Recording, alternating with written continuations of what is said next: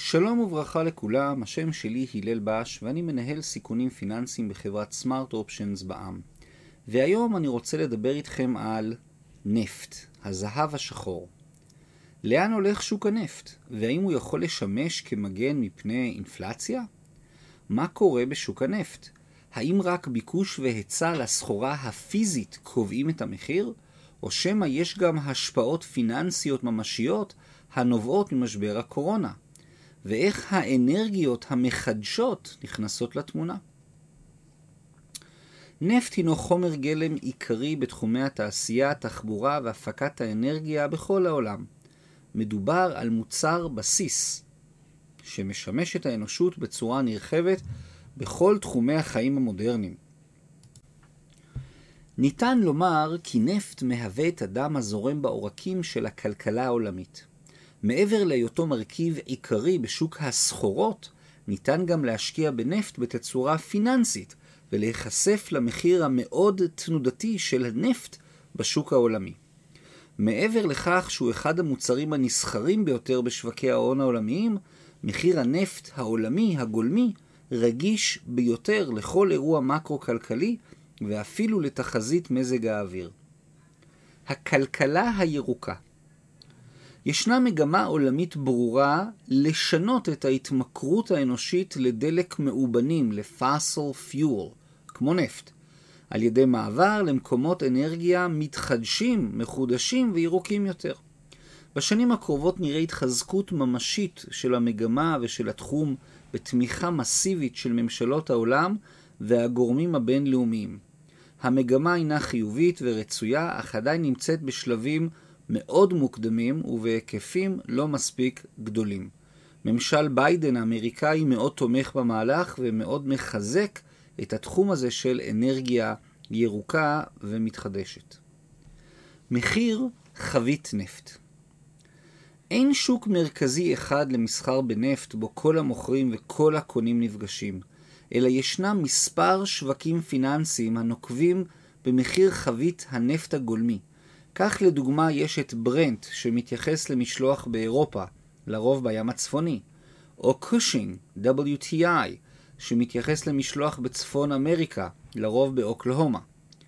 כאמור, מחיר הנפט הינו מאוד תנודתי ובעל רגישות גבוהה במיוחד לכל אירוע גלובלי ולכל תחזית מחודשת.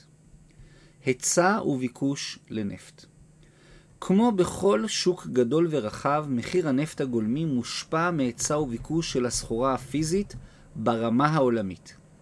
בצד ההיצע יש לנו את מדינות אופק, קרטל הנפט הגדול בעולם, המאגד מדינות רבות המייצרות נפט בעיקר במזרח התיכון. אליהם יש להוסיף את ארצות הברית, שבשנים האחרונות הפכה להיות יצרנית נפט מרכזית וגדולה, בעיקר בגלל פיתוח טכנולוגיות פצלי השמן fracking ועוד טכנולוגיות שבעצם הפכו את ארצות הברית ליצרנית מרכזית. ראוי גם להזכיר את רוסיה ומדינות דרום אמריקה שמייצרות נפט בקנה מידה ממשי ומשמעותי.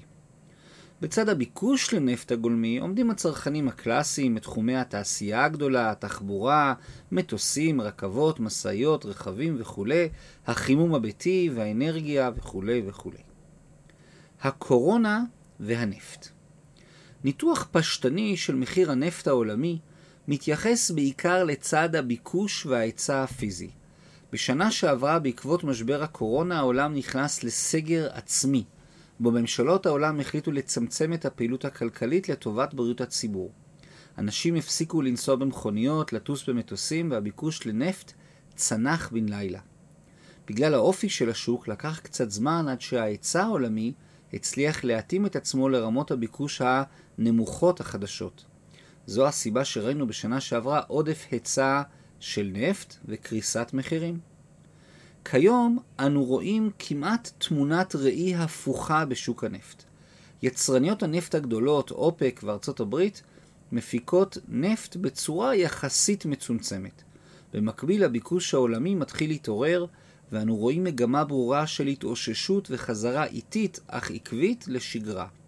המצב כיום הינו שההיצע מתקשה לעמוד ברמות הביקוש, ולכן המחיר של חבית נפט גולמי נמצא במגמת עלייה. האם זה כל הסיפור? אבל ברמה המהותית יותר, ראוי לשים לב שמחיר הנפט הגולמי תלוי בשני גורמים עיקריים, שוק הנפט הפיזי ושוק הכסף. שוק הנפט הפיזי מבטא את ההשפעות הישירות והמוכרות של היצע וביקוש לנפט. ההיצע והביקוש הפיזי לנפט הם רק חלק מהסיפור, וישנן עוד השפעות על מחיר הנפט בעולם. שוק הכסף בעקבות משבר הקורונה, מדינות העולם ובראשם ארצות הברית פצחו במדיניות מרחיבה פיסקלית ומוניטרית, שבמסגרתה הם נותנים פיצוי כספי מסיבי לאזרחים ולעסקים, במטרה לעודד ולתמוך בכלכלה המדשדשת. עקרונית, כשהממשלה לוקחת על עצמה הוצאות תקציביות נוספות בהיקפים משמעותיים כל כך, היא נאלצת לבצע זאת על ידי נטילת הלוואות. אבל כסף שהממשלה מלווה, למשל על ידי הנפקת אגרות חוב, הוא כסף שנוצר יש מאין ונכנס ישירות לכלכלה. זה קצת מופשט ביחס למורכבות הפיננסית האמיתית, אבל מבטא את הרעיון הכללי בצורה טובה. בעקבות משבר הקורונה ארצות הברית הגדילה את הוצאותיה בצורה כל כך נרחבת, עד שיש הטוענים כי כיום יש כמעט 20% יותר דולרים במחזור הכלכלה העולמית. הנתון הזה קצת גבוה, אבל נוכל לסכם את הנושא ולומר כי בעקבות הקורונה היצע הכסף העולמי עלה בצורה משמעותית ביותר. אז כמות הכסף עלתה, איך זה קשור לנפט? כשכמות הכסף עולה, צפים מחדש חששות ממשיים אודות אינפלציה. אינפלציה הינה עליית מחירים רחבה ששוחקת את כוח הקנייה של הכסף. היינו 100 דולר יכול לקנות כיום סל מוצרים נתון ומוגדר, אבל בעקבות אינפלציה משמעותית שהיא יכולה להתעורר, אותם 100 דולר יקנו בעתיד הרבה הרבה פחות. כיוון שכמות הסחורות והשירותים העולמיים נתון, והיצע הכסף עולה ועולה, כאמור בעקבות מדיניות מרחיבה של ממשלות העולם ובראשם ארצות הברית, יש היגיון ממשי בחששות של משקיעים רבים לאינפלציה אמיתית ומשמעותית. אינפלציה פוגעת מאוד בפקדונות מזומן ובאגרות חוב שאינן צמודות מדד, ומהווה גורם סיכון פיננסי אמיתי למשקיעים רבים. אם יש לכם הרבה מזומן ואתם לא משקיעים אותו בנכסים ממשיים, אינפלציה תשחוק את ערכו בצורה משמעותית. אז איך חלק מהמשקיעים מגינים על הכסף שלהם מפני אינפלציה עתידית אפשרית? רוכשים נכסים. קונים נדל"ן, או מניות עם כל הסיכון הכרוך בהשקעות אלו, או סחורות. כאן נכנס הנפט לתמונה ומראה לנו עד כמה החששות מאינפלציה יוצרות ביקוש מלאכותי פיננסי לנפט, לא ברמה של סחורה לשימוש, אלא ברמה של השקעה פיננסית. נפט הוא באמת הזהב השחור. בדומה לזהב, ניתוח היסטורי מראה כי נפט מהווה אוצר ערך, או store of value, שהוא טוב מאוד בתקופות של אינפלציה ממשית. השקעה בנפט בתקופות של שחיקה ממשית בכוח הקנייה ובערך של המזומן, יצרה בעבר סוג של גידור סיכונים. זה לא מושלם, כי בשונה מזהב, השקעה בנפט חושפת את המשקיעים לאותה תנודתיות יתר של שוק רחב ומורכב, הכולל שחקנים רבים ומגוונים, הן בצד הביקוש והן בצד ההיצע. אז uh, מחיר הנפט צפוי לעלות? נכון לכתיבת שורות אלה, המגמה העולמית הינה לכיוון של גידול ממשי בביקוש לנפט, הן בגלל איתחול מחדש של כלכלות העולם, והן בגלל החששות של המשקיעים מאינפלציה. מגמות אלו תומכות בעליית מחירים ממשית של מחירי הנפט. העיכובים בשוק הסחורות העולמיים, סגירת uh, תעלת סואץ למשל לפני כמה שבועות, רק יגדילו את הפער בין ההיצע לביקוש, לפחות בטווח הקצר. האם ההיצע יגדל במקביל? מנגד, בהחלט ייתכן כי יצרניות הנפט בעולם יצליחו לגשר על הפערים ולעמוד בדרישות הביקוש המחודשות. זה אולי ייקח זמן, אבל הן הוכיחו בעבר יכולת ממשית להגדלת היקפי הייצור שלהם.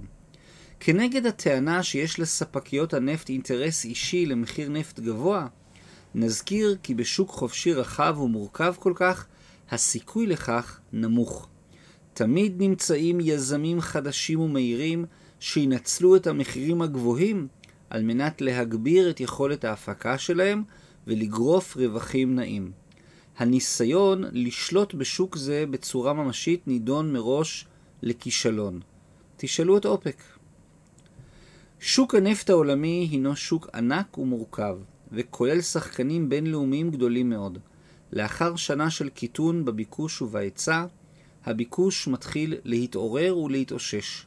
מחיר חבית נפט גולמי מושפע לא רק משוק הנפט, היצע וביקוש לסחורה הפיזית, אלא גם משוק הכסף, הפיננסי והציפיות לאינפלציה. כרגע נראה כי המגמה של עלייה במחירי הנפט תימשך לפחות בטווח הקצר, אבל מאוד קשה לדעת האם מגמה זו תימשך בטווח הארוך יותר.